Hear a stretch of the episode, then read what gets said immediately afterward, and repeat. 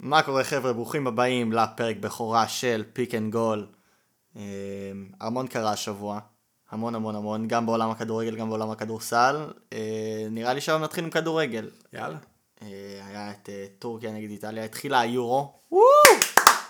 מזל טוב. ברוך השם, איך אני התרגשתי באמת לטורניר הזה. לא, אני כל כך בן אדם שלא מתרגש מכדורגל בינלאומי, במיוחד כי ישראל אף פעם לא מגיעה כאילו לשום טורניר אף פעם בהיסטוריה שאני לפחות שאני מכיר. בינתיים. בינתיים, טפו טפו טפו, אינשאללה יגיע היום ונראה את, אה, לא יודע אם ערן זהבי עדיין ישחק, אבל אה, נראה מישהו, לפחות. משחק בסון, או מנור סולומון, העתיד שלנו. אה, אבל כן, טורקיה פתחה נגד איטליה, או יותר נכון איטליה פתחה נגד טורקיה. אה, זה היה משחק אה, די מטורף. אז כן, איטליה באמת לא השאירה הרבה מקום לטורקיה לשחק. לא. הרגיש לי שהמשחק בעצם שוחק באיט... באיטליה אצלה בבית, והיא הרגישה ממש בנוח באצטדיון, ממש של... שלטה במשחק, בהתקפה, בהגנה, ו... כן, תשמע, הם שלטו פשוט בכדור, היה להם אה, לאורך כל המשחק אה, מעל 60, ו- 60 אחוז לפחות אה, אחוז מהכדור. אה, להגנה דונרומה בקושי הורגש, לא, נראה לי נגע בכדור פעמיים שלושה, לא יותר מזה. בגג. ופשוט טורקיה פחדה לשחק, זה, רואים שזו קבוצה ש...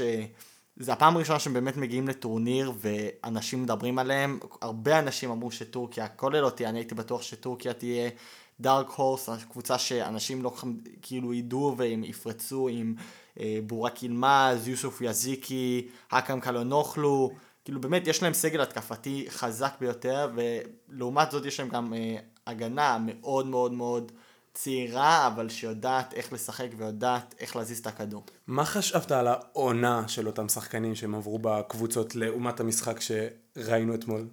זה... נגיד יזיקי וילמה שיחקו ביחד, כנ"ל סליק, שיחקו ביחד ב... ב... בליל שניצחה את, ה... ניצחה את, אה, את, ה... את הליגה הצרפתית. פשוט לא נראו שהם לא משחקים באותה סיסטם. יילמז לא דפק את הריצות, למרות שהוא מבוגר, הוא בן 33-34. היכולת שלו לדפוק ספרינט שחותך את ההגנה, ראו את זה שקרה פעם פעמיים במחצית השנייה של המשחק, אבל זה לא קרה מספיק, וטורקיה פשוט פחדה כל כך מ... שיכניסו להם גול, וזה שהם הצליחו 45 דקות שלא, הם, שבהם הם לא ספגו גול, זה נתן להם את ההרגשה של אולי זה באמת טקטיקה שתצליח, כשזה היה מאוד ברור שזה עניין של זמן, לא עניין של אם איטליה תכניס את הגול, ובסוף יצא שטורקיה הכניסה להם את הגול הראשון. תשמע, איטל, איטליה באה לטורניר הזה באופן כללי עם הרבה, הרבה מאוד תקוות להגיע לחצי גמר, נכון? ל- לפחות. כן, כן, שהם, כן. אני עדיין חושב שהם, אה, אני חושב שנגד אה, שווייץ ונגד אה, אה, ווילס הם עדיין אה, יצליחו. אה, אחרי היום זה די מבטיח להם את אה, מקום ראשון בקבוצה. אה, קשה להאמין שאו שווייץ או ווילס ייתנו להם איזושהי בעיה. בעיניי טורקיה היה המשחק היחיד שאנשים אמרו אולי טורקיה תצליח עם איזה נגיחה או איזה counter attack אחד או שניים, אבל אה, איטליה לקחו אותם בסיבוב, באמת עשו מהם קרקס, ופשוט שלטו על, ה... שלטו על המשחק, עזוב על הכדור, שלטו על המשחק מהנקוד... מהשריקה הראשונה עד סוף המשחק. אה, ובאמת אני חושב שאיטליה לא, לא לקחו אותה מספיק ברצינות, כל מי שאני שמעתי שמדבר על היורו לפני שהם התחילו, הסגל שלהם, בכל עמדה יש להם או שחקן מנוסה או שחקן עם יכולת צעיר מטורף. גם בהגנה יש להם את פלורנזי, יש להם את קיאליני, את בונוצ'י ואת אה, ספינזולה, שהם שלושתה, ארבעתם מאוד מאוד מאוד מנוסים, עם שוער, למרות שהוא צעיר, דונרומה, יש לו מעל אה, 150 משחקים סך הכל, אה, תחת, אה, כאילו, ב- בידיו, שזה משהו שגם לא צריך אה, לקחת מובן מאליו, יש להם בקישור, שבעיניי שם יש להם את ה... את האיזון המושלם בין אה, שחקנים צעירים לשחקנים מנוסים, יש שם את ג'ורג'יניו שעכשיו ניצח את אה, ליגת האלופות ומשני צדדיו יש את לוקטלי ואת ברלה, שבעיניי ברלה הולך להיות אחד השחקנים הצעירים שכולם צריכים לשים עליו עין, כי הוא באמת משהו מיוחד.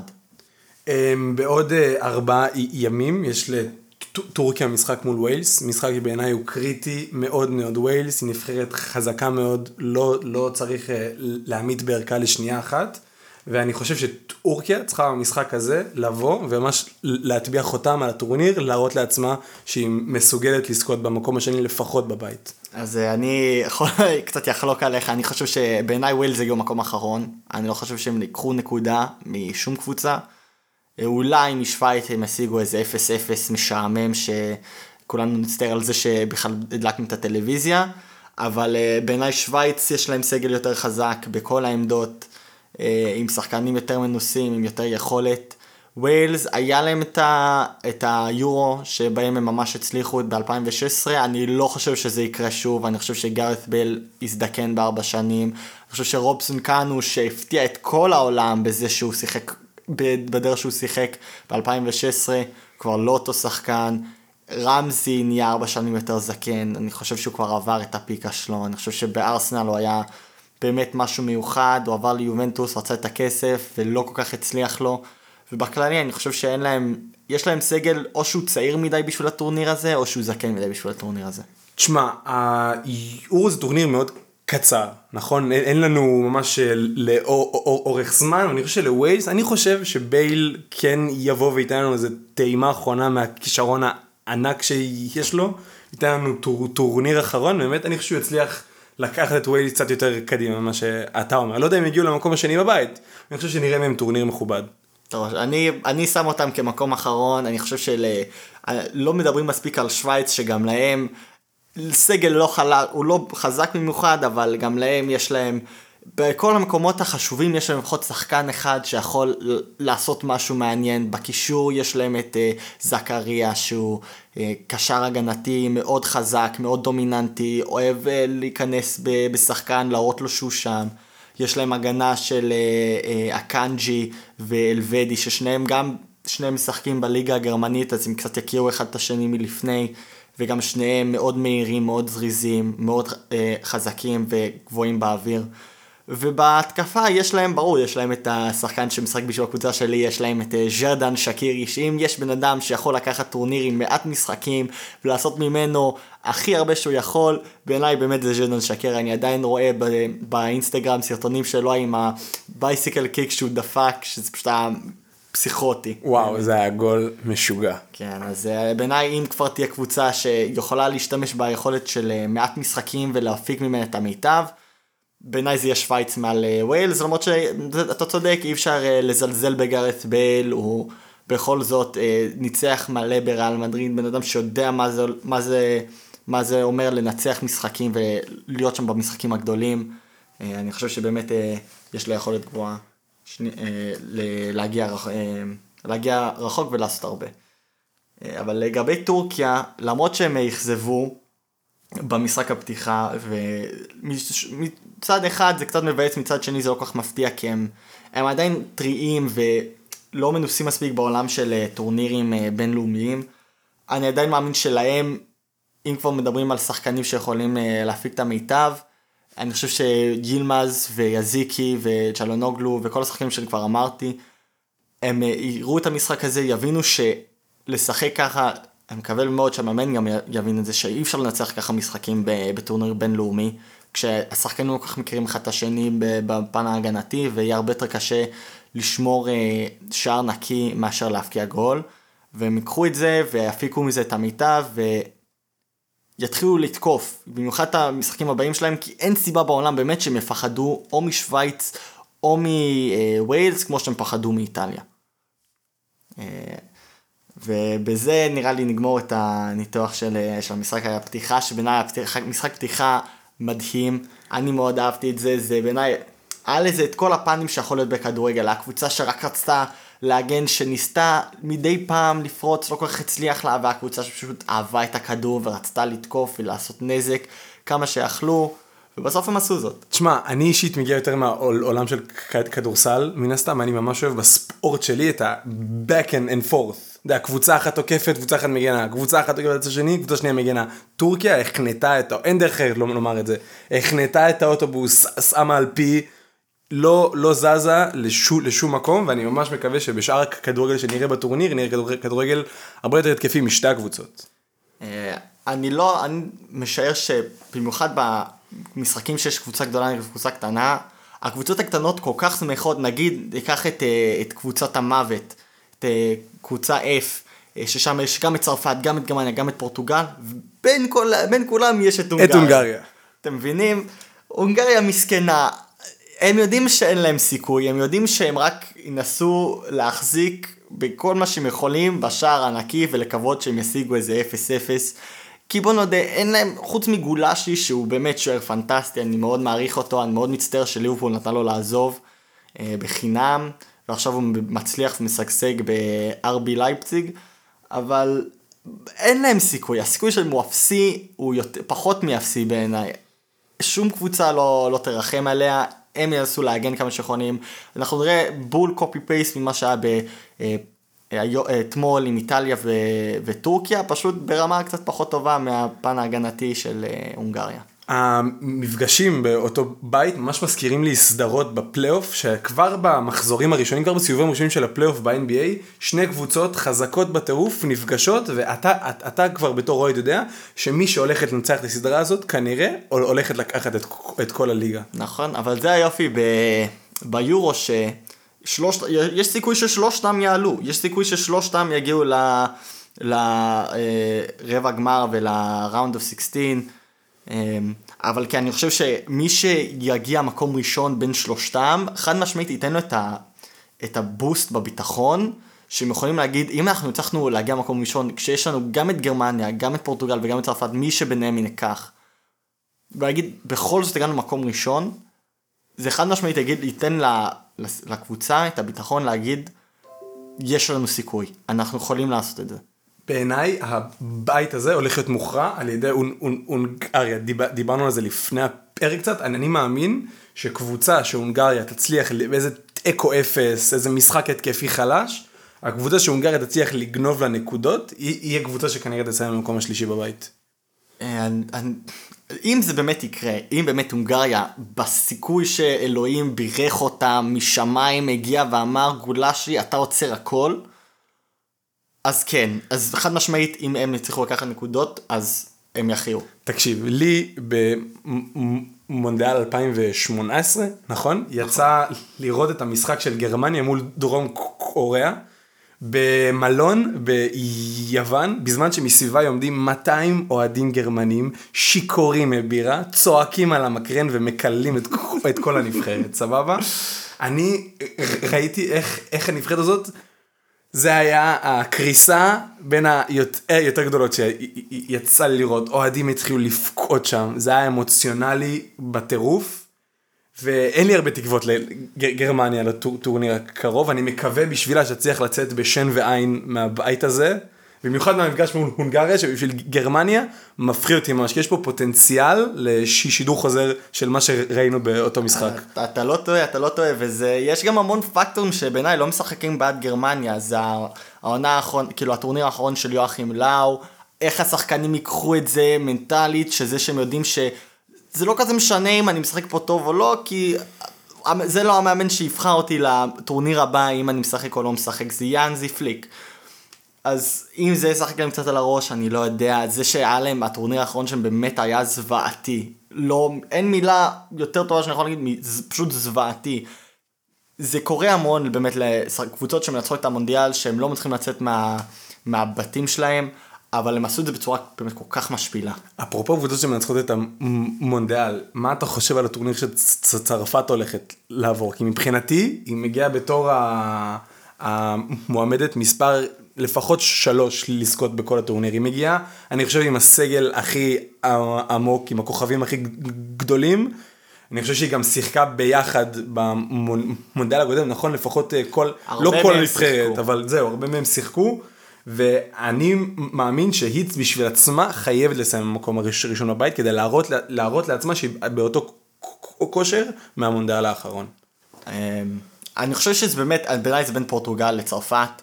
הרבה מזה גם תלוי על פציעות שיגיעו מהמשחקים הראשונים, אם יצא שלא יודע, חס וחלילה, אמבפה קורע איזשהו שריר, זה ממש דופק לצרפת את היכולת שלהם אה, בפן ההתקפי, כי עם כל הכבוד, עד כמה שיש להם סגל חזק בהתקפה, להחליף את אמבפה סיכוי אפסי, כנ"ל לרונלדו, שאם רונלדו קורה שהוא נפצע, רונלדו באמת סחב את אה, פורטוגל ביורו ב-2016 כשהם ניצחו, למרות שהוא לא הבקיע את הגול המנצח בגמר.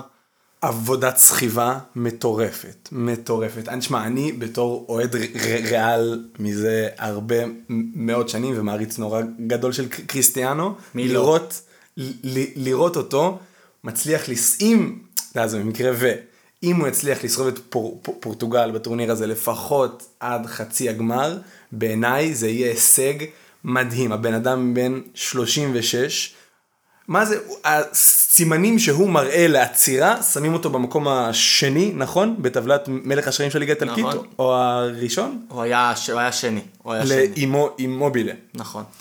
אם הוא יצליח לזכור את פורט, פורטוגל למקום השני בבית ולחצי חצי הגמר, ככה כמו, כמו שהיה לנו במה זה היורו 2012 שהם הפסידו לספרד בפנדלים, נכון, נראה לי אתה צודק. וואי, זה היה מזמן. זה יהיה אה, טורניר עצום והישג עצום אה, בשבילו שלא יישכח בעשרות שנים הקרובות. ואל תשכח מי ניצח בסוף את יורו 2012? ספרד? ספרד. אז אה, לא יודע, להפסיד למנצחים ה... של הטורניר עצמו זה לא... יש דרכים הרבה יותר גרועים לצאת מטורניר. ועוד משהו קטן על, על אותו פנדלים שאני לא, לא אשכח, אני מקווה שאני לא מטעה פה את קהל המעריצים, אבל זה משהו שפשוט לא יצא לי מהראש בחיים. רונ, רונלדו באותו דו-קרב, אני גם אבדוק את זה אחרי זה, לא בעט פנדל אפילו. למה? כי המאמן שם אותו במקום החמישי או השישי לבעוט, כי הוא רצה שהוא יבעט את הפנדל המכריע, אבל פורטוגל לא, לא צריך לשים מספיק שערים לפני. לדעתי... בסוף יצא שהוא התבזבז. אם, אם הוא היה בועט ראשון או שני, יש סיכוי שהיינו רואים מנצחת אחרת לאותו טור- טורניר. אפשר להתווכח מי הגיע הראשון, מי הגיע השני, מה שאפשר, כולם יכולים להסכים עליו שזה הקבוצה, הבית שכולם הולכים לשים את כל העיניים שלהם, את כל הפוקוס שלהם, כי בעיניי הסיכוי שיצא משם בסוף המנצח המכריע של כל הטורניר הוא יחסית גבוה. ונראה לי עם זה נעבור לעולם הכדורסל. שגם בו לא היה משעמם, נגיד את זה ככה. אף פעם לא. אז ככה, נתחיל מהסדרה שבעיניי מקבילה לבית הקודם שדיברנו עליו. בית המוות. הסדרה בין הנץ לבקס. בעיניי, וואו, וואו, וואו. בעיניי שניים משלוש הקבוצות החזקות בליגה, ביחד עם הקליפרס, שאתה יודע, שבוע אחד הם מופיעים למשחק, ושבוע אחרי זה לא. אמ, בעיניי, מי שתנצח את הסדרה הזאת, תנצח את המזרח לפחות, ואנחנו נפגוש אותה בגמר. וואו. זה וואחד, אה, וואחד משפט לדפוק פה. וזה עוד שברוקלין משחקת בלי ג'יימס ארדן. וואי וואי וואי. אה, אני אגיד לך את האמת, אני לא... אני, יש... אני חדש לכל העולם של הכדורסל, אבל אני חייב להגיד שהחוסר עקביות במשחק אה, בראונד, מה זה היה הראונד השני? אנחנו בסיבוב השני. בסיבוב השני, משני הקבוצות, פשוט היה מאכזב. הייתי במחצית, ברבע הראשונה, מלווקי לקחו את, את הנץ בסיבוב, הייתי בטוח שבעמדה של, מה זה היה, 20 ומשהו נקודות. 22-9. וואו. זה כאילו מטורף איך שמפער כזה גדול, אה, ברבע אחד, ברוקלין הצליחה לצמצם את זה למה, זה היה שתי נקודות הפרש? בסוף ה... מחצית כאילו, כבר. בסוף המחצית, שאתה יכול להסתכל על זה שוואו, תראו איך כל קבוצה אה, אה, עמדה על שלה, וברבע הראשון מילואקי פשוט נהיו כל כך דומיננטיים, ובמחצית, הש... ברבע השנייה ברוקלין הוא כל כך דומיננטי, אבל אני רואה את זה בפן של שני הקבוצות פשוט קרסו כל אחד ברבע אחר. זה מגיע ממקום של מה שנקרא live and die by the, three. שתי הקבוצות הן קבוצות, כמו כל הקבוצות הטובות בליגה, קבוצות שמבססות את ההתקפה שלהן על הזריקה משלוש. לא לחלוטין, אבל על ריווח, spacing, המגרש, בעזר, בעזרת הזריקה משלוש. תשמע, בסופו של דבר, הרבע, זה מה שאנחנו ניגע בו קצת יותר לעומק בהמשך, הרבע הראשון של, של הנטס, זה משהו שבעיניי הדבר הכי טוב שיכול לקרות לה, ואני אס, אני אסביר גם למה. הנץ, קבוצה שמורכבת עוד פעם, אנחנו מדברים על ג'יימס ארדן שבחוץ, אני מקווה שהוא יחזור לפחות לסדרה הבאה, אחרי שהנץ אה, יתעתעו את מילואקי. יש אה, צפי למתי הוא חוזר בערך? אנחנו, אם, אם זה היה עונה סדירה, הם כבר היו מכריזים שהוא לא הולך לחזור בחודשיים הקרובים כי הוא נח, כי רוצים לק, לקחת, במיוחד עם שחקנים בקל ליבר כזה, לא לקחת שום סיכון, אבל אני מאמין שהוא יחזור לסדרה הבאה, גם את ג'ואל אמביד, אה, ראינו אותו נפצע בסיבוב האחרון, שחקן נורא אה, מוכר לפציעות. ראינו אותו נפצע בסיבוב האחרון, פציעה במיניסקוס, שהייתה אה, בעונה עונה רגילה משביתה אותו לפחות לשבועיים, חוזר לשחק שני משחקים אחרי.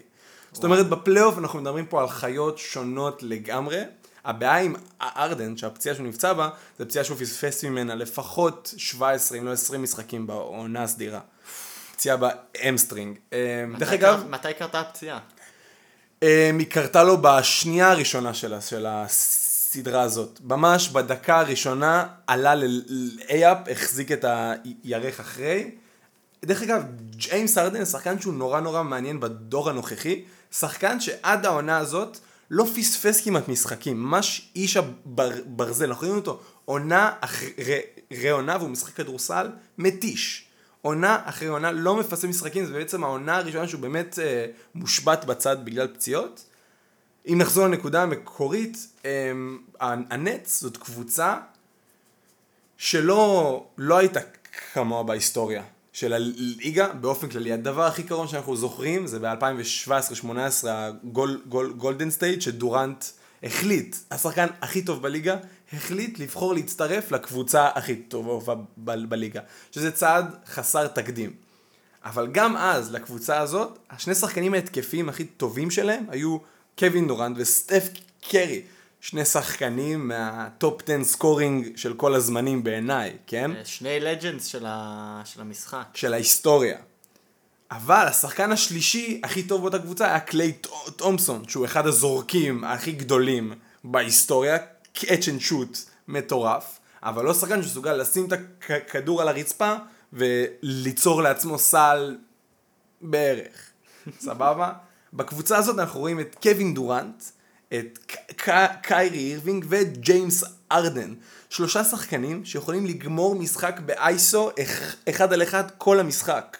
וכשאתה מוסיף לזה את ג'ו הריס, שרק לפני שנתיים ניצח את סטף קרי עצמו בתחרות שלשות, ואת בלייק גריפין בתור small ball 5, שאנחנו נדבר עליו גם, עובר עונה מטורפת. הראה אנשים בטוחים שהוא washed, שהוא גמור שצריך להיות מחוץ לליגה, שהפציעות השביתו אותו, ומראה לכולם שיש לו עוד הרבה מה לתת בטנק. מהמשחק ש... במשחק בסבב השני נגד מילווקי, זה היה נראה כאילו דרך- חזר, קצת אה, חזר לעצמו לוושטאפ. מבחינה, מבחינה התקפית הוא לא פגע, הוא היה, אה, לא כתב את זה פה, מבחינה התקפית הוא לא פגע, זה נכון, אבל מבחינה הגנתית, אה, אנחנו ראינו ברבע הראשון, איך, איך מילואקי הצליחה לצאת לריצה כל כך גדולה, כי הנץ שמו את ניק קלקסטון על, על המגרש. קלקסטון, שחקן צעיר, ביגמן, גבוה, פיזי, גדול, הכל, אבל הוא נורא צעיר, ואין אין לו מספיק מסת שרירים כדי לבלום את יאניס. אמ, ויאניס באמת עושה, יאניס עשה משהו ברבע הראשון שאם נראה אותו עושה כל משחק להמשך הסדרה, למילואקי יש סיכוי, אני אגיד את זה, סיכוי. יאניס היה אגרסיבי. יאניס חיפש את ה matchup שהוא רצה ורדף אותו. זה משהו שהוא לא עושה הרבה, וכל פעם שהוא רץ לניק קלקסטון, נכנס בו, לניק לא היה שום דבר לעשות, ויאניס קיבל עליו and one, הוציא ממנו עבירות, הלך לסל, הטביע עליו. לא כל כך עזר ל... ליאניס לצערי, כל כמעט- ה free throws. כמעט, אה, ה free throws, בכלל, משהו מעניין לגבי ה free throws, אתה ראי, ראית שהשופטים ש, שרקו לזכותו את העשר שניות על קו ראיתי, העונשין? ראיתי, זה ראיתי. קרה בסיבוב הראשון מול, אה, מול מיאמי, זה הגיע למצב שהקהל של מיאמי, כדי לנסות להיכנס לו לראש, בזמן שהוא היה על הקו, צעק, אחד, שתיים, התחיל לספור. לו, לנסות להלחיץ אותו. יאניס חוטף התקפי חרדה על קו העונשין, רואים- רואים עליו. חבל. רואים, ראו כל פעם, הוא אמר, אני אנסה, אני אעשה בלי הכדור, אני אכדר את הכדור, אני אשחק סיבוב, סביבון סוף סוף סוף עם הכדור, הכל חוץ מלזרוק את הכדור כשהוא הגיע לפרי תרוז, באמת, אנחנו- זה היה משהו, לא רואים כאלה. ואני אגע בעוד נקודה חשובה על יאניס. אמ, יאניס, את מי הוא הכי מזכיר בלחץ מקו העונשין? את שק, שקיל אוניל של תחילת, תחילת של 2000 עד 2000 ו... 1999 עד 2001, 2002, 2003, שלט בכדורסל. לא היה אפשר לעצור אותו, שלושה אה, MVP של סדרת הגמר ברציפות. וואו. אבל ראינו שבסוף, בסוף המשחק, משחק צמוד, הכדור לא יכול להגיע לידיים שלו. קבוצות לא יצליחו לעצור אותו כל המשחק. בשתי דקות האחרונות הכדור צריך ללכת לקובי או לווייד. כי שק פשוט עושים עליו פאול, ומקו העונשין אין לו פורום, לפעמים הוא זורק עם יד אחת, לפעמים עם שתיים. אין לו, אין לו, אין לו טכניקה אפילו. אז אתה אומר שיש ליאניס אה, תקווה לעתיד שיוכל לצאת מהברוך הזה שלו. התקווה טמונה בשני דברים. א', וזה, וזה ככה סגמנט טוב לנתון אה, מעניין שמצאתי, יאניס במהלך הסדרה הזאת זורק ארבע זריקות יותר בתוך הצבע מבחצי מרחק ושלוש. בתוך הצבע הוא לא מחמיץ, הוא באחוזים מדהימים. בחצי מרחק ושלוש הוא לא מסוגל לקלוע, אבל עדיין, ופה אנחנו נחזור רגע לבלייק גריפין. כל פעם שבלייק גריפין היה במגרש, הוא היה מספיק פיזי כדי לבלום את יאניס לעוד חצי שנייה, ולתת להגנה של הנטס, ממש דומה למה שההגנה של פיניקס עושה עכשיו עם יוקיץ', לתת להגנה של הנטס זמן להתכווץ סביבו, ואז ליאניס יש שתי בחירות. או שהוא עולה לסל מול שלושה אנשים שחובטים בו בכל הגוף. וכנראה סיכוי קטן שהוא... נכון. הצליח. או שהוא מוסר החוצה לאחד הזורקים, למידלטון, לפט קונאטון, לפורבס, שעליהם יוכרע הסדרה בסוף. הם צריכים להיות שם כשיאניס לא מצליח לקלוע, ובדקות שקלקסטון לא, שבלייק גריפין לא על המגרש, והנטס לא מצליחים לבלום את הכניסות שלו מלכתחילה, הוא צריך להיות אגרסיבי בטירוף. דווקא אהבתי שדיברת על מידלטון, כי אני לא יודע, משום מה, במיוחד במחצית הראשונה, ובכלל ברבע הראשון, דיאניס ומידלטון הזכיר לי מאוד אה, את אה, סטאריג' וסוארז מ-2013-2014 בקטע מטורף שפשוט שניהם סחבו את הקבוצה, כל שאר הקבוצה לא עשתה יותר ב-2013-2014, ליברפול כמעט ניצחה את הטייטל בזה להם שני חלוצים שפשוט לא הפסיקו להפקיע, והם עשו, גם, לא רק זה שהם לא הפסיקו בהם בעצמם להפקיע, הם לא הפסיקו למסור אחד לשני ולעשות אסיסטים. הסל הראשון של מישהו שהוא לא מידלטון או יאניס, הגיע שלוש דקות לסיום הרבע השני. זה מטורף, זה רב, יותר מרבע וחצי שאף אחד לא יצליח לשים את הכדור ברשת, אפילו לא מקו העונשין. תשמע, מפתיע אותי שהם עדיין הצליחו לזוז, אתה יודע, עם כל המשקל שהם סוחבים את כל הקבוצה הזאת על הכתפיים שלהם. ופשוט הם עשו עבודה מטורפת, זה היה כל כך כיף לראות את הדינמיקה ביניהם, כי הם גם עשו אסיסטים אחד לשני. זה לא רק שעזוב, אה, הם פשוט היו קולים לסל, הם גם היו מוסרים אחד לשני והיו מכינים את הגולים, ב, את הסלים ביחד, סליחה, וזה בדיוק מה שהיו עושים סטאריג' וסוארז ב 13-14, לצערי זה לא היה להם מספיק, הם לא ניצחו את הטייטל בעונה הזאתי. בואו נקווה בשביל מילווקי שיהיה להם אה, גורל השונה. עוד uh, משהו אחד על uh, עוד שחקן שמילואקי יהיו תלויים בו ממש בסדרה הזאת. דרך אגב, אנחנו מדברים עד, עד עכשיו על מילואקי, אבל בסופו של דבר הסדרה הזאת תהיה מוכרעת אך ורק על ידי ברוקלין. Um, עוד שחקן שמילואקי יהיה נורא תלויה בזה, ג'רו. ג'רו הולידיי. הולידיי um, הגיע לקבוצה בקיץ האחרון בתור מחליף לבלדסו. בלדסו זה שחקן הגנתית סבבה, אבל התקפית לא היה לו מה למכור במיוחד בדקות המכריעות של המשחק. הולידיי חייב להיות הרבה יותר טוב התקפית, זה must. אבל ראינו אתמול סוף סוף שהוא הצליח לעצור את קי... קיירי אירווינג בצד ההגנתי בפעם הראשונה בסדרה הזאת. הוא שחקן הגנתי מצוין, הוא פיזי, הוא זריז, הוא חכם ממש, וכשנותנים לו לשמור על שחקנים קטנים ממנו ולא גדולים ממנו, כמו שהיה צריך לעשות בפליקאנס עד עכשיו, אנחנו רואים שהוא אה, יכול לעשות את זה מצוין. מילה אחת על, על, על הנטס. בסופו של, של יום, ההתקפה של מילואקי, גם היא תוכרע על ידי הנץ. מילואקי היא קבוצה שהיתרון היחיד שיש לה על הנץ זה פיזיות, זה מהירות, זה אתלטיות בסל. כמו להגיד, הקבוצה, הדבר היחיד שיש לפורטוגל על הונגריה זה יכולת, זה שחקנים, זה יכולת מסירה ויכולת התקפה. זה לא כי חסר להם את השחקן הזה שייצור לעצמו את הזריקה, ואיפה זה חשוב? זה חשוב כשהמשחק מאט למה שנקרא, מה שאנחנו קוראים לו התקפת חצי מגרש, המשחק מאט, ועכשיו אתה צריך שחקן שיתכנן לך את ההתקפה לא, לא, לא, לא, לא, לא במתפרצת, לא כשאתה רץ, כשהמגרש פתוח, כשהמגרש פתוח, כשהמילואקי רצים, לנץ אין שום דבר שהם יכולים לעשות כדי לעצ... לעצור אותם. אבל בחצי מגרש אנחנו רואים את הנץ מצליחים לבלום את יאניס. בעזרת בלייק, בעזרת ציפוף הרחבה שנקרא יאנ... יאניס וול, שמיאמי עשו על זה דוקטורט בעונה שעברה. אנחנו רואים את הנץ מצליחים לעצור את מילואקי, מה זה מצליחים? במשחק הקודם הם עצרו אותם על פחות מ-80, על פחות מ-90 נקודות. זה מטורף. אז מה, אז מה קרה שבסבב השלישי פשוט קרסו כמו בית קלפים? הכל התחיל מהנץ. הנץ החמיצו זריקות, שדרך אגב, זה לא היה בגלל שמילואקי שיחקה הגנה מדהימה. ג'ו הריס החמיץ זריקות פנויות, דורנט וקיירי, קיירי זה היה בגלל הול הולידיי. דורנט, פי, פי ג'יי טאקר מפסיד עליו לפחות שני ראשים בגובה. פי ג'יי טאקר דרך אגב, שחקן שהגיע למילואקי ב trade אך ורק כדי ללכת מכות. כי מילואקי הייתה צריכה את ה dog הזה, את השחקן הקשוח הזה. אבל הוא מאבד על דורנט לפחות שני ראשים בגובה. זאת אומרת, מה הדרך הכי טובה לגרום לקבוצה השנייה לעצור משחק ולא לרוץ? לקלוע סלים.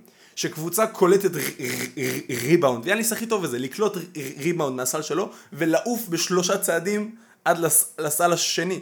כשהקבוצה קולעת לך, אתה צריך לעצור את המגרש ולהוציא את הכדור, והם בינתיים כבר בסל ש- שלהם, מצליחים לעצור את המשחק שלהם ממש ולגרום למילואקי לתכנן את ההתקפה שלהם.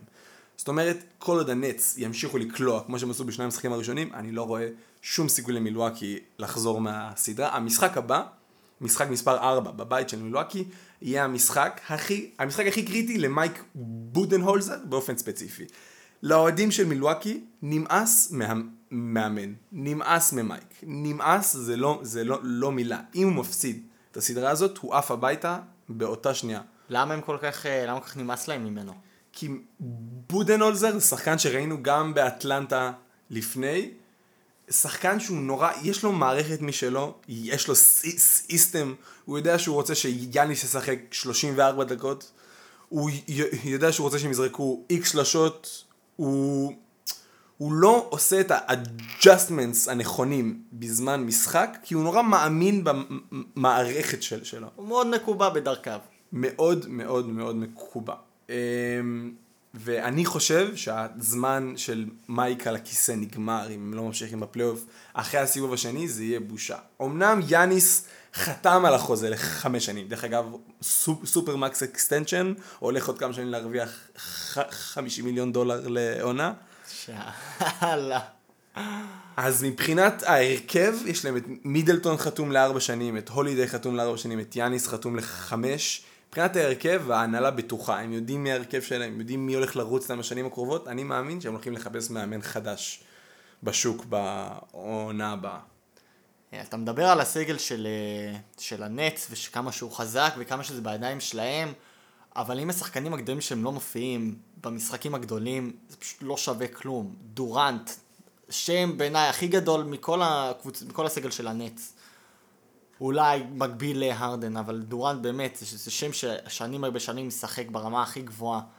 פשוט הלך לאיבוד, אני באמת חיפשתי אותו, נראה לי צריכים להתקשר למשטרה להגיד להם שהלך להם לאיבוד קווין דורנט, כי הוא פשוט לא היה שם כל המשחק. בסופו של דבר, עם כמה נקודות הוא סיים? של... 30. קווין עוד עדיין סיים לשחק עם 30 נקודות. אמנם זה היה ל-28 זריקות, משחק נורא לא יעיל, שלא לא הפינו לי בכלל, אבל עדיין הוא הצליח להגיע ל-30 נקודות שלו, ודורנט זה שחקן שאני סומך עליו באין שחקן בליגה, יותר מקוואי ויותר מג'יימס ויותר מקריס פול, אין שחקן בליגה שאני סומך עליו בעיניים עצומות שכשצריך והעונה על הקו, יופיע עונה אחרי עונה אחרי עונה. אתה אומר הוא big game player. אחושרמוטה. הבנתי, אבל אה, במקביל לדורנט, בעיניי שחקן שאני אישית לא כל כך מכיר, אבל אה, הרשים אותי בטירוף, במיוחד לקראת סוף המשחק, ברבע השלישי והרביעי, לופז של הבאקס, פשוט בפן הריבאונדים היה שלטן, פשוט גם בסל ההגנתי, גם בסל ההתקפי. גם משלושות הוא הרשים, שזה משהו שבעיניי לשני הקבוצות לא כל כך הצליח, במיוחד לבאקס. שלושות פשוט לא עבדו להם, אבל הוא סחב את הסטטיסטיקת השלושות בעיניי לבאקס, הרים אותה לפחות בהרבה. אני, מילה קטנה לברוק, וזה ממש אה, מעניין. אמ, אמנם מילואקי חייבים אותו חזק בצד ההגנתי. rim protection, ריבאונדים, הם לא יכולים ליפול לנטס בשני קטגוריות האלה, אבל מה שראינו שמילואקי עושה בשני המשחקים הראשונים שהם הפסידו, וזו טעות שהרבה קבוצות עושות מול small ball. הם ניסו, הם, הם חשבו לעצמם, טוב, ברוק הוא הבן אדם הכי גב, גבוה על המגרש, יש לו פוסט-אפ מצוין, בוא ננסה ללכת עליו, בוא ננסה ללכת עליו נגד בלייק, וככה הם, הם וככה הנץ הוציאו, הוציאו אותם מהמשחק הרגיל שלהם שאמור לזרום דרך uh, יאניס, וזה שינוי שהם עשו במשחק השלישי. יאניס, בשני המשחקים הראשונים סיים עם usage rate, למי שלא מכיר, זה נתון שמתאר כמה זמן שחקן מחזיק בכדור בדקות שהוא על המגרש, עם usage rate של 30 אחוז. שזה לא, לא נתון קטן, אבל כשאתה רואה שהמשחק השלישי הוא כבר החזיק בכדור 40 אחוז מהזמן בדקות שהוא על המגרש, אתה מבין שהמשחק זרם הרבה יותר דרכו, וזה מה שנתן בעיניי למילואקי את היתרון, שהם לא הלכו דרך לופז בפוסט-אפס, ולא חיפשו להריץ את בריאן פורבס. בריאן פורבס אם הוא יהיה פנוי, הוא יקלע. לא, לא צריך לחפש לגרום לו לקלוע בעיניי. אז אתה אומר, אתה חותם נטס, עולים לשלב הבא. אם מילואקי ינצח עוד משחק אחד בסדרה, אני מופתע. וואו. סטיב נש, שחקן, אה, מאמן שאני חשבתי שהוא הולך להיות מה שנקרא מאמן קש. בתחילת העונה, במיוחד אחרי שקיירי אירווינג עם המשפט של כולנו מאמנים בקבוצה הזאת. בתחילת העונה, אתה לא, לא רוצה לפתוח ככה עונה. זה לא משפט שאתה רוצה ששחקן יגיד על הקבוצה שלו. אה, מפתיע אותי בטירוף, הוא עושה adjustments בקצב חריף, הוא מגיב לכל מה שמילואקי מנסה לעשות מולו, בפן ההגנתי, בפן ההתקפי. בריצה שמילואקי פתחה ברבע הראשון, אה, נש הגיב עם התאמה מצוינת של עוד פעם, להוציא את ניק לקסטון, להכניס את אה, בלייק, ללכת אול אין על יאניס, ובאופן כללי אני נורא מתרשם ממנו בעונה הראשונה בתור מאמן, מביא לי ממש אה, סטיב קר vibes, שנכנס בעונה הראשונה ואף שיפר את גול, גולדן סטייט והפך אותה לקבוצה הכי טובה בהיסטוריה. אמ, מרגיש שגם בעולם הכדורגל וגם בעולם הכדורסל, במיוחד בכדורגל, זה נהיה הרבה יותר ערכי למאמן לדעת איך לשנות טקטיקות באמצע המשחק. במיוחד כי בכדורגל יש לך רק מחצית, לא כמו פה שאתה יכול לקרוא 20 אלף טיימאוטים ויש לך ארבע כאילו רביעיות.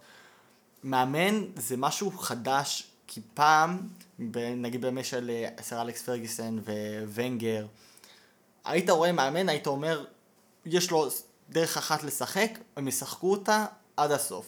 פחות טוויקים כאילו משמעותיים, אולי בקטנה להגיד לשחקן תלך יותר ימינה יותר שמאלה, אבל לא משהו משמעותי. עכשיו אתה רואה מאמנים כמו יורגן קלוב, כמו פפ, במיוחד פפ גוורדיולה, שחולה על זה בעיניי אפילו טיפה יותר מדי, אבל אם הוא רואה משהו באמצע המשחק, הוא יגיד לשחקנים שלו, תחליפו, תשנו את הטקטיקה כמעט לגמרי, וזה משהו ש... במיוחד בכדורגל רואים את זה יותר ויותר, וזה מצליח יותר ויותר. אז כן, אה, גם במאמנים בכדורסל, שנות ה... אנחנו מדברים פה על 80-90, אה, אה, אם זה פיל ג'קסון עם שיטת המשולש המוכרת, או דוני נלסון אבי הסמול בול, אנחנו באמת רואים מאמנים בשנים האחרונות, מה זה מאמנים? הספורט מכריח אותם מלכתחילה להשתנות, או אם לא תעשו את השינויים הנחוצים לכם בזמן המשחק, לא יהיה לכם עבודה תוך עונה וחצי במקסימום. כן, זה גם בדיוק מה שקורה עכשיו בכדורגל, שתוך עונה, עונה וחצי, גם אם אתה מצליח, גם אם אתה לא, זה לא כל זה משנה, אם אתה לא משיג את הסטנדרטים הכי הכי הכי גבוהים, אתה עף. וזה מה שנגיד קרה לפרנק למברד העונה, ש... למרות שבעיניי הוא הגיע מקום שלישי, מקום אה, מכובד, או מקום רביעי, עונה שעברה, נכנס לטופ 4 עם קבוצה מאוד צעירה שלא היה לו אה, אה, חלון שבו הוא יכל לקנות שחקנים. חצי עונה השחקנים לא, בעיניי קצת אה, לא נתנו לו את ה... את המאה אחוז, והעיפו אותו, והכניסו את טורקיה, ונכון זה עבד, אבל uh, הספורט, בעולם הספורט בכללי נהיה פחות אה, סולח ויותר אה, מהיר לשלוף את האקדח ולראות בך אם אתה לא, לא עומד בציפיות שמצפים. ונראה לי עם זה נעבור לסדרה השנייה, אה, פיניקס מול אה, דנבר. מה הייתה ההתרשמות הראשונה שלך משני הקבוצות? תן לנו. אני אף פעם לא ראיתי את דנבר ולא ראיתי את פיניקס משחקים. התחלתי לראות אותם בפלייאוף. פיניקס בעיניי, ממה שאני ראיתי עד כה, מהמשחקים, הם הפייבוריטים לנצח. אני חושב שאיך שהם משחקים, יש להם, נכון, יש להם את דווין בוקר, יש להם את קריס פול, אבל כולם נותנים משהו. אין, אין מצב שכמו שהיה עם uh, מילואקי, שזה הכל על הכתפיים של, uh, של יאניס ושל מילבוק, מידלטון, סליחה.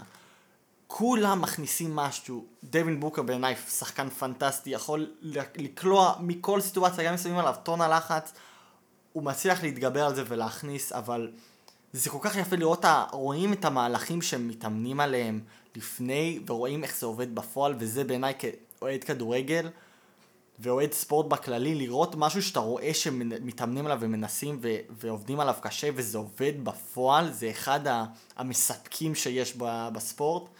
אה, בעיניי הם הפיבוריטים מאיך שהם משחקים, הם שלטו על דנבר גם במשחק השני, גם במשחק השלישי. אה, לא, ברגע שהם הבינו שברגע שאתה חוסם את יוקיץ', לדנבר אין יותר מדי יכולת, זה בדיוק מה שהם עשו, ואם מדברים על לשנות טקטיקה, זה מה שהם עשו אחרי המשחק הראשון, פשוט כלו את יוקיץ', לא נתנו לו למסור, למרות שהוא עבר עליו עונה פנטסטית.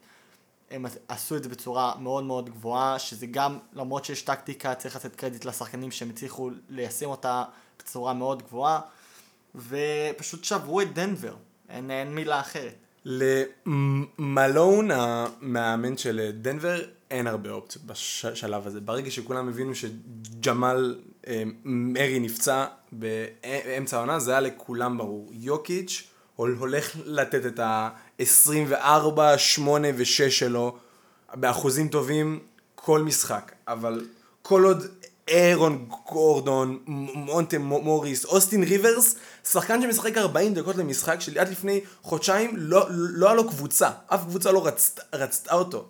אם אף אחד מהם לא, מה שנקרא, step up, לא יקלע, עזוב step up, לקלוע את השלושות הפנויות שיוקיץ' מוסר לו פעם אחרי פעם אחרי פעם. תשמע, דנבר בפיגור 3-0 בסדרה, כמו שכולם מכירים, מי שאוהב כדורסל, אף קבוצה בהיסטוריה לא חזרה מהפיגור הזה.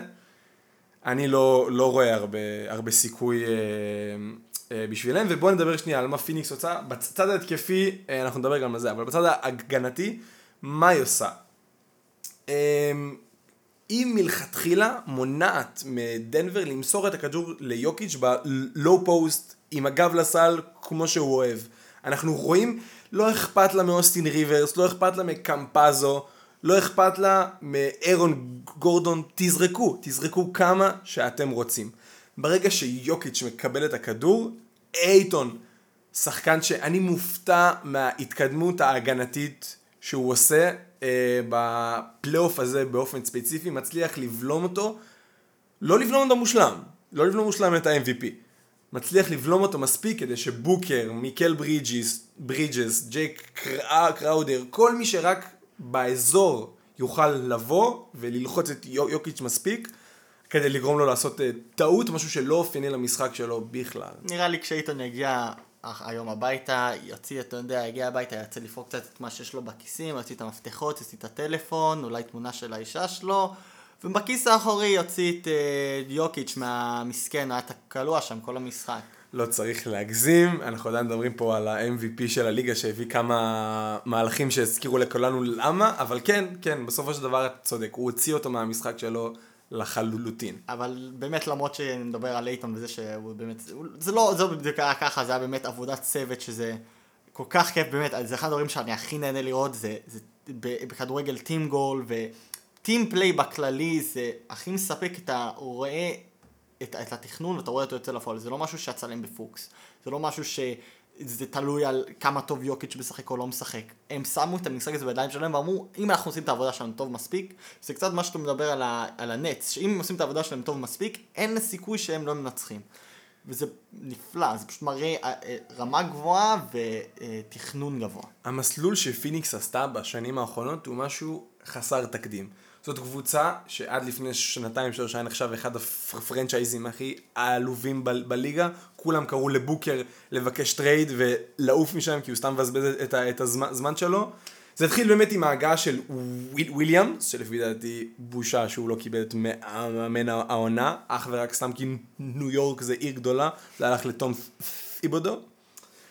זה התחיל בו שהוא מאמן מצוין, אה, והמשיך באמת בהגעה של קריס פול. במשך שנים כולם אמרו, "ת- תוציאו לבוקר את הכדור מהידיים, הוא לא צריך לנהל את, את המשחק, הוא לא צריך לגרום לשחקנים אחרים להיות מעורבים. אז בהתחלה ניסו להביא את אה, ריקי רוביו, שהוא פל- playmaker נחמד, הוא לא מסוגל לקלוע משלוש, שזה כבר תוקע את כל ההתקפה שלך, אבל כן שמת לב שמשהו פה מתקדם, משהו פה עובד. ואז אה, הגיע להנהלה של פיניקס, אה, ה trade של אה, קריס פול, באמת כמו מתנה משמיים. קריס פול הוא השחקן המושלם לצוות ליד דווין בוקר. מצד אחד הוא מביא איתו את ה veteran leadership, הוא מדריך אותו ככה במקומות הנכונים, הוא בונה את הביטחון שלו בטירוף, ומצד שני, בפן הפיזי על המגרש, הוא מנהל את כל המשחק, הוא קול- קולע שלשות מצוין, משהו שלא ראינו עד עכשיו מהשחקנים ששיחקו ליד אה, בוקר, והוא שומר על ההתקפה של פיניקס זורמת, ואומר לבוקר, קח את הכדור, הוא נותן לו לקבל את הכדור במקומות שהוא אוהב, בחצי מרחק, בשלוש, פנוי באחד על אחד, הוא אומר לו, קח את הכדור ותעשה מה שאתה יודע לעשות איתו, וזה לקלוע, וזה בין הכי טובים בליגה בזה. ושתדע שזו דינמיקה לא, לא פשוטה לייצר, ברגע שיש לך, כאילו, זה ברור שלפחות בפלייאופים, בוקר ו- וקריס פול הם רמה מעל כל, הש- כל שאר הקבוצה, זה, זה ברור, אבל שאפו למאמן על זה שהוא גם מצליח לה, להעלות את דווין בוקר ואת קריס פול לרמה גבוהה, אבל הוא לא משאיר את שאר הסגל מאחורה. זה לא כמו עם, ה- עם המילואקי במשחק הקודם, שבאמת מידלטון ובמיוחד יאניס סחבו את הקבוצה וכל השאר לא עשו יותר מדי. מ- למרות שיש להם את שני הכוכבים האלה, קראודר, אייטון, הם עדיין מצליחים להשפיע על המשחק בהמון, וזה משהו שבעיניי, בגלל זה אני חושב שהפיניקס כרגע, אה, הם הפיבוריטים שלי לפחות, ל, לפחות להגיע ל, גמר לגמר, או כאילו לגמר של ה... של גמר המערב. כן, גמר המערב, בדיוק. אמ, אז באמת פיניקס ניצחה את הסדרה הזאת בסוף על השחקנים המשלימים, כמו שאתה אומר. כל אחד מהרשימה שלהם, בין, בין אם זה דריו סאריץ', טורי קרייג, טורי קרייג, שחקן שהבאקס ויתרו עליו בתחילת העונה והיה יכול לעזור להם ממש עכשיו עם השלשות וה, וההגנה, מיקל ברידג'ס, ג'יי קראודר, קמרון ג'ונסון, שחקן שנבחר בבחירה ה-11 בדראפט וכולם צחקו על פיניקס על הבחירה הזאת.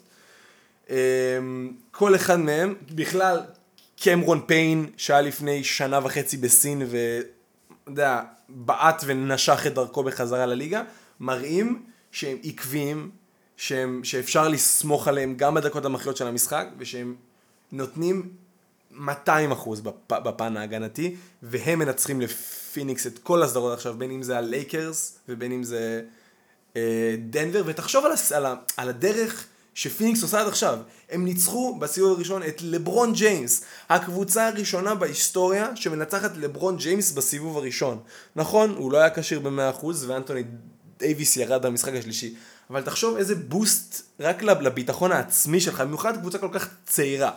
ואז בסיבוב השני הם מטאטאים את ה-MVP מהרצפה. הם מגיעים לגמר המערב, הם בעיניי יגיעו, אין פה הרבה שאלות. הם מגיעים לגמר המערב עם הביטחון בשמיים. השאלה היא אם, אה, או בין אם זה יהיה יוטה או הקליפרס, איך הם יגיבו לזה אה, כשהם אה, יפגשו אותם. אני אגיד לך את האמת, בעיניי אני, יש לי כ- נהפך איזושהי אהבה בעיניי אה, בשבילי עם הפיניקס, אני מאוד רוצה שהם יגיעו לגמר, אני חושב שמגיע להם באמת, כמו שאמרת, הם, הם הביסו הם באמת giant killers, הקבוצה הזאת, את לברון ג'יימס, את יוקיץ', זה באמת, אני חושב שזה כמו, יש, זה כמו fairy tale כזה, זה סיפור, אה, סיפור אגדה מה שקורה כאן, זה, זה כאילו כתוב בכוכבים שזה אמור לקרות, זה אמור להגיע, אני אמן והם ינצחו את, ה, את כל ה players בכללי, אה, אני מאוד מאוד מקווה בשביל שהם יצליחו, הכל שאלה זה אם הם יצליחו באמת אה, לשמור על העקביות הזאת, כי באמת עקביות זה המפתח לנצח את המשחקים, אה, ואני מקווה מאוד בשבילם שזה יצליח. אה, מילה אחת על, ה... על פיניקס ועל ההתקפה שלה באופן כללי. אה, הדבר הכי מעניין בעיניי בהתקפה של הקבוצה הזאת, זה הנתון האהוב עליי, שזה ה-usage rate. אה, אנחנו רואים שקריס פול מחזיק בכדור בדקות שהוא על, על המגרש במשך בערך 30% מהזמן. שזה מספר גבוה, זה הגיוני לרכז שאתה מנווט את כל ההתקפה, אבל דב, דווין בוקר, הכלי ההתקפי הכי טוב של הקבוצה הזאת, מחזיק בכדור רק 22% מהזמן, שהוא uh, באמת uh, נמצא על המגרש, שזה קצת יותר משחקנים משלימים כמו פיין, כמו ברידג'ס, אנחנו מדברים על אחוז אחד יותר. בוקר uh, משולב בהתקפה הזאת באופן מדהים, הוא מקבל את הכדור אך ורק לפעמים שהוא צריך לכדרר ולזרוק. מקסימום למסור אם מנסים לעשות עליו דאב, דאבל טים ולמנוע ממנו לקלוע. הוא משומש בצורה אופטימלית וזה ההישג הכי גדול של מונטי וויליאמס עד עכשיו. הוא כמו, הוא כמו שוטגן, רק יורה, רק רק ואך ורק יורה ובאמת הוא הכי טוב בקבוצה בפער בלראות אה, שלושות ולראות אה, חצי.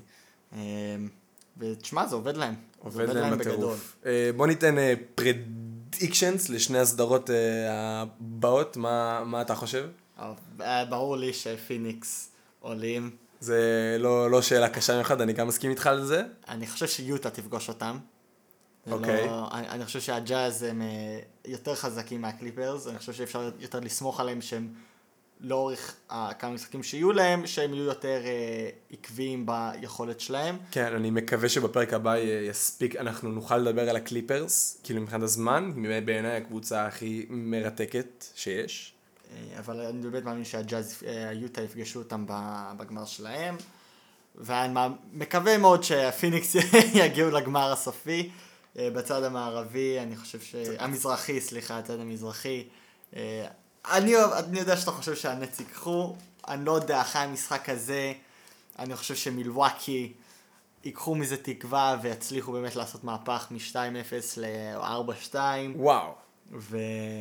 ואני מאוד מקווה בשביל יאניס שכל זה לא הולך לשווא, כל המשחקים הטובים שלו. ומי הם יפגשו ב... מי הם יפגשו בגמר שלהם, וואלה. מה, מה אתה אומר? מי אתה אומר מי יפגשו בגמר? אמ, אני מאמין שפילי תצליח לסיים את הסיפור מול אטלנטה, אני לא חושב שהם יתקשו, אטלנטה הפתיע אותם במשחק הראשון, הם משום מה אה, שמו את דני גרין על טרי יאנג, אולי השחקן התקפי, אחד השחקנים התקפיים הכי טובים במזרח. אמ, אני חושב שדוק ריברס ניסה להשתעשע, חשב הוא לא יכול לשמור את סימנס ל help defense ולשפר את הקבוצה באופן כללי, ואני חושב במשחק השני הוא הבין שסימנס ות'ייבול צריך להיות צריכים להיות אה, ממוקדים על טרי יאנג ולנעול אותו, וזה באמת מה שהם עשו במשחק השני. ואני חושב שדוק אה, מצא את הפתרון לשאר הסדרה. אני אתן אה, את ה predictions שלי לשאר הסדרות בפלייאוף. אני, אני לא, לא, לא רואה איזה upside מטורף של דנבר על פיניקס, אלא אם כן ג'מאל החליט שהוא איכשהו החלים באורח פלא מקרע במיניסקוס. אמ, אני מאמין של... יוטה יש את מה שצריך כדי להעיף את הקליפרס, וזה לא, זה לא קל, זה לא קל, כי הקליפרס מבחינת, מבחינת כישרון על, על הנייר, משתווה אך ורק לנטס. מבחינת סופרסטארים, מבחינת שלשות, מבחינת אה, הג, הגנה על הטבעת, מה שנקרא קצת פחות, אבל אה, אני מאמין שדונובן מיטשל בפלייאוף הזה לוקח את הצעדים שצריך קדימה, במיוחד שיש לו את וייד עכשיו אה, על הקווים שככה לוחש לו בזמן המשחק, ומראה לכולנו שהוא הסופרסטאר שאנחנו לא בהכרח חושבים שהוא. ובמזרח, כמו שאמרתי לפני, אני אשאר עם, ה... עם החיזוי שלי, הנץ הולכים, הנץ לא הולכים להפסיד עוד משחק, ואני לא רואה אותם מתקשים גם מול פילדלפיה, במיוחד אם ג'יימס ארדן יחזור. אה, שאלה אם הוא באמת יחזור. שאלה גדולה, שאלה גורלית אפילו. וואו. טוב, אה, יש לך שחקן מצטיין לשבוע, בפן הכדורסלי? אה, השחקן המצטיין לשבוע, קודם כל בעיניי חייב לבוא מהסאנס. הקבוצה הכי טובה בשבועות האחרונים בכלל, עם הכדורסל הכי, הכי, הכי יפה והאווירה הכי טובה. ואני אני אלך על קריס פול, תשמע, בן אדם בן 36, ממשיך לשחק ורק כי הוא החליף לדיאטה צמחונית לפני שנתיים, שכולם חושבים שהוא כבר, אה, אתה יודע, washed. אה, סיים את המשחק השני בסדרה עם, אני חושב שהוא סיים עם 15 אסיסטים ובלי איבוד כדור אחד. וואו וואו וואו. אמ, אני לא רואה עוד אה, הרבה שחקנים, אולי חוץ מלברון ג'יימס שממשיכים לעשות את זה בגיל שלו. שחקן שאני חשבתי אחרי הקריירה שלו ביוסטון ביחד עם ג'יימס הארדן, שכבר זהו ונגמר הסיפור שלו. מעלה אמ, קבוצה שהיה נראה כל כך אפורה, בלי שום עתיד באופק כמו הסאנס למקום כזה, אני חושב שהוא צריך לקבל את השחקן השבוע מבחינתי. בשבילי, ב... נחזור שנייה לכדורגל, אה, ברור שזה חייב להגיע מישהו מהמשחק של טורקיה ואיטליה, ברור שזה יגיע מהקבוצה של אה, איטליה, אה, וזה לא יהיה אחד מהשחקנים ההתקפיים, למרות שאני חושב שכולם שם שיחקו פנטסטי. בעיניי, היכולת של ג'ורג'יניו, שהוא שלט פשוט מהמרכז, במיוחד במשחק שבו בעיניי ברלה לא שיחק ליכולותיו, וגם לא קטלי, לא...